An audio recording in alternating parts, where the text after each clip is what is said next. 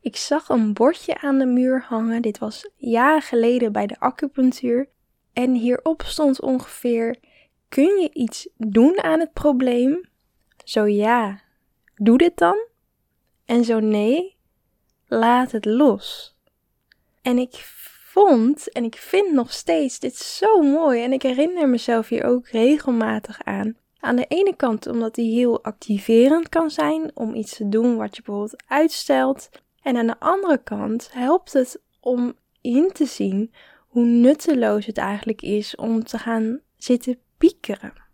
Welkom bij de Mind for Green podcast en in deze aflevering wil ik het met je hebben over wat te doen als je je heel erg zorgen maakt, als je aan het piekeren bent.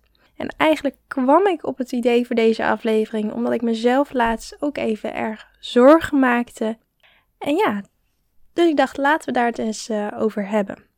En één ding wat ik in ieder geval heel belangrijk vind om te beseffen, is dat als je piekert, als je heel erg zorgen maakt, dat je heel erg in je hoofd zit. Dat je heel veel aan het denken bent en dat je al je aandacht eigenlijk brengt naar je gedachten. En dat zijn gedachten over de toekomst. Over, vaak over de toekomst, over iets dat mogelijk gaat gebeuren. Doemscenario's. Het is dus helemaal niet zeker. Sterker nog, deze gedachten zijn vaak helemaal niet gebaseerd op grote kansen, over iets wat jij zeker weet. En dus die gedachte over de toekomst, ja, de toekomst die bestaat nog helemaal niet, bestaat alleen maar in jouw gedachten. En daaruit kan je de conclusie trekken dat deze gedachten geen waarheid zijn. Het is geen realiteit. Maar als je dus aan het piekeren bent, dan zit je heel erg in je hoofd. En een logisch gevolg daarvan is dat je niet in je lichaam zit. Dus dat je weinig verbinding met je eigen lichaam hebt op dat moment. En wat er dan gaat gebeuren is dat je geen aandacht hebt voor wat je voelt in je lichaam. Je merkt bijvoorbeeld niet dat je hoog ademt. Dus dat je adem wat meer in je borst zit. Hoge ademhalingen, dat zijn tekenen van stress. Of je merkt bijvoorbeeld niet dat er spanningen zitten in je lichaam, dat bijvoorbeeld je schouders heel erg omhoog zitten, of dat er iets anders vast zit. En besef ook, hè, je lichaam en je mind, die hebben zoveel invloed op elkaar, beide kanten op. En ik merk zelf bijvoorbeeld in tijden van stress of angsten dat uh, ik wat meer last krijg van mijn darmen. Of dat mijn menstruatie wat langer wegblijft. En vaak linken we dit soort dingen niet aan elkaar. Het is misschien van, oh, ik heb misschien wat gegeten wat niet zo lekker is gevallen. Maar hoe bewuster je hiervan wordt, hoe meer je ook die verbanden gaat zien. En bij jou kan je lichaam weer heel anders reageren dan die, van, dan die bij mij. Maar het is wel heel interessant om daar eens naar te gaan kijken, daar iets bewuster van te worden. En daarom is het ook zo belangrijk in momenten dat je heel veel in je hoofd zit om te gaan zakken in je lichaam. En het helpt ook om even je aandacht van die gedachten af te halen. Dus neem bijvoorbeeld een lekker warm bad. Ik heb geen bad, maar misschien jij wel. Anders is een voetenbad bijvoorbeeld ook heel lekker. Of boek ergens een voetenmassage. Doe aan yoga. Ik hou heel erg van yoga, maar wat ik ook echt fantastisch vind is Qigong. Dat helpt mij zo erg om weer in mijn lichaam te komen en ook echt tot rust te komen. Het is heel kalmerend. Maar ook mediteren kan natuurlijk heel goed helpen. En als het kan, ga lekker bewegen, sporten, wandelen, de natuur in. Maar heb ook even gewoon aandacht voor je lichaam. Wat voel je in je lichaam? Waar voel je spanning? Waar voel je je ademhaling? Hou ook eens een keer heel diep adem en heel diep uit. Ook lekker even zuchten, dat kan heel fijn zijn. En je lichaam, die is altijd in dit moment, in het hier en nu.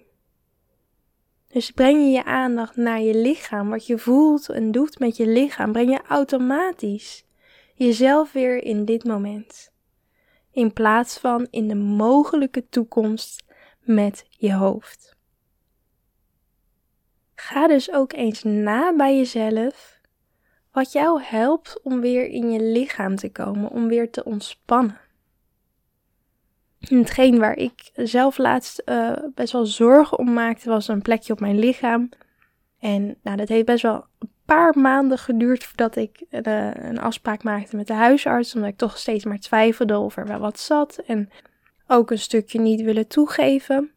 Toen had ik mezelf eigenlijk even aan dat bordje moeten herinneren om actie te ondernemen, zodat of je zorgen worden weggenomen, of dat je er iets mee kan met de informatie.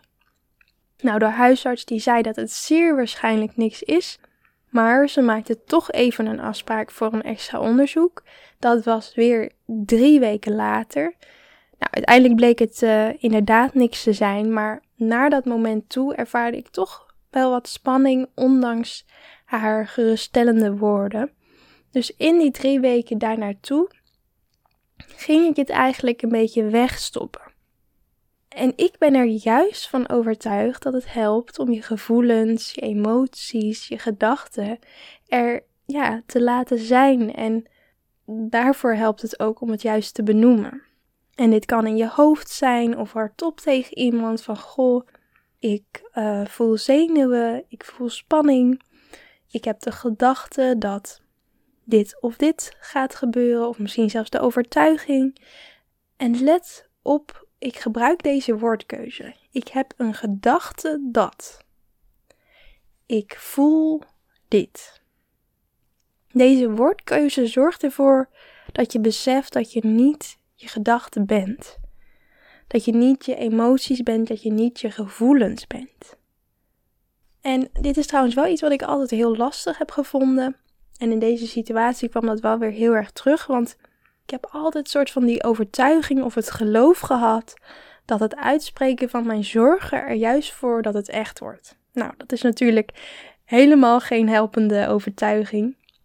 En dat zie ik ook steeds meer in, want door het juist uit te spreken, of door het juist niet uit te spreken, wordt het alleen maar groter in je hoofd en ben je het alleen maar ja, verder aan het voeden eigenlijk. Dus één is om het überhaupt eigenlijk toe te geven aan jezelf, dat je een bepaalde gedachte ervaart of een bepaalde emotie voelt. En daarnaast kan het dus helpend zijn om het uit te spreken naar een ander. En tuurlijk, je hebt helemaal geen invloed op hoe de ander reageert, maar vaak laat diegene jou juist een ander perspectief zien. En diegene kan er vaak weer veel rationeler naar kijken. En ja, dat, dat hardop uitspreken, dat kan je een beetje uit je tunnelvisie halen. Zoals ze dat altijd zo mooi zeggen in Wie is de Mol. Het begint trouwens weer over een paar weken en is het enige programma dat ik kijk. En wat ik hier ook nog aan wil toevoegen, is om vertrouwen te hebben. Dat is een van de kernintenties van mindfulness. Hiervoor, hierover heb ik het volgens mij in aflevering 3 meer over. Dus vertrouwen hebben in jezelf. Want wat er ook op jouw pad komt, jij kan het aan. Je hebt al zoveel meegemaakt, uitdagingen gehad. Dus wat er ook gaat gebeuren, jij kan het aan. Dus heb vertrouwen in jezelf en wat de toekomst je brengt. En ja, dit kan soms heel lastig zijn, maar toch vind ik dit hele ja, bemoedigende gedachte. Nou, het toegeven of het toelaten van wat je dan ook ervaart, vind ik dus heel waardevol. Maar misschien herken je het wel, midden in de nacht worden muggen olifanten. Dus als je s'nachts niet kunt slapen en je zit een beetje naar het plafond te staren, kunnen zorgen en angsten enorm worden opgeblazen. En een van de dingen die dan heel erg helpen is om echt even in je lichaam te landen door bijvoorbeeld een ademhalingsoefening te doen, een bodyscan. Uh, wat ik ook heel fijn vind is een spierontspanningsoefening. En ja, ik wil dat eigenlijk nog niet vertellen, maar je hebt helemaal tot het einde geluisterd. Dus ik wil toch ja, mijn, uh, mijn passieproject even met je delen. Want er komt, tromgeroffel, een Mindful Green app. Oh, ik ben echt heel excited om het met je te delen. Ik heb dus een meditatie-app gemaakt met wat hulp van Jeffrey. En in deze app zitten dus ook die slaapmeditaties die ik je net uh, noemde. Maar ook wandelmeditaties, ochtendmeditaties, meditaties voor door de dag heen, van alles. En deze app hebben we in principe af, maar helaas moet ik ja, op één ding wachten voordat je hem kan downloaden vanuit de App Store en vanuit de Play Store. Dat ligt nu eventjes uit mijn handen, maar ik vertel er later heel graag meer over. Ik weet helaas niet Maar ik kan in ieder geval niet wachten en ja, dat is dus even een hele mooie practice voor mij in geduld hebben. Maar uh, ja, stay tuned. En ik hoop dat je vandaag weer iets waardevols uit deze podcast hebt gehaald. Al hoop ik natuurlijk nog veel meer dat je op dit moment geen zorgen maakt en het niet nodig hebt. En wil je me nou heel erg blij maken, laat dan vooral een review achter in de Apple Podcast of in Spotify. In Spotify kun je sterren geven en dit hoef je maar één keer te doen. Alvast heel erg bedankt en heel graag tot de volgende aflevering. Heel veel liefs, Lisanne.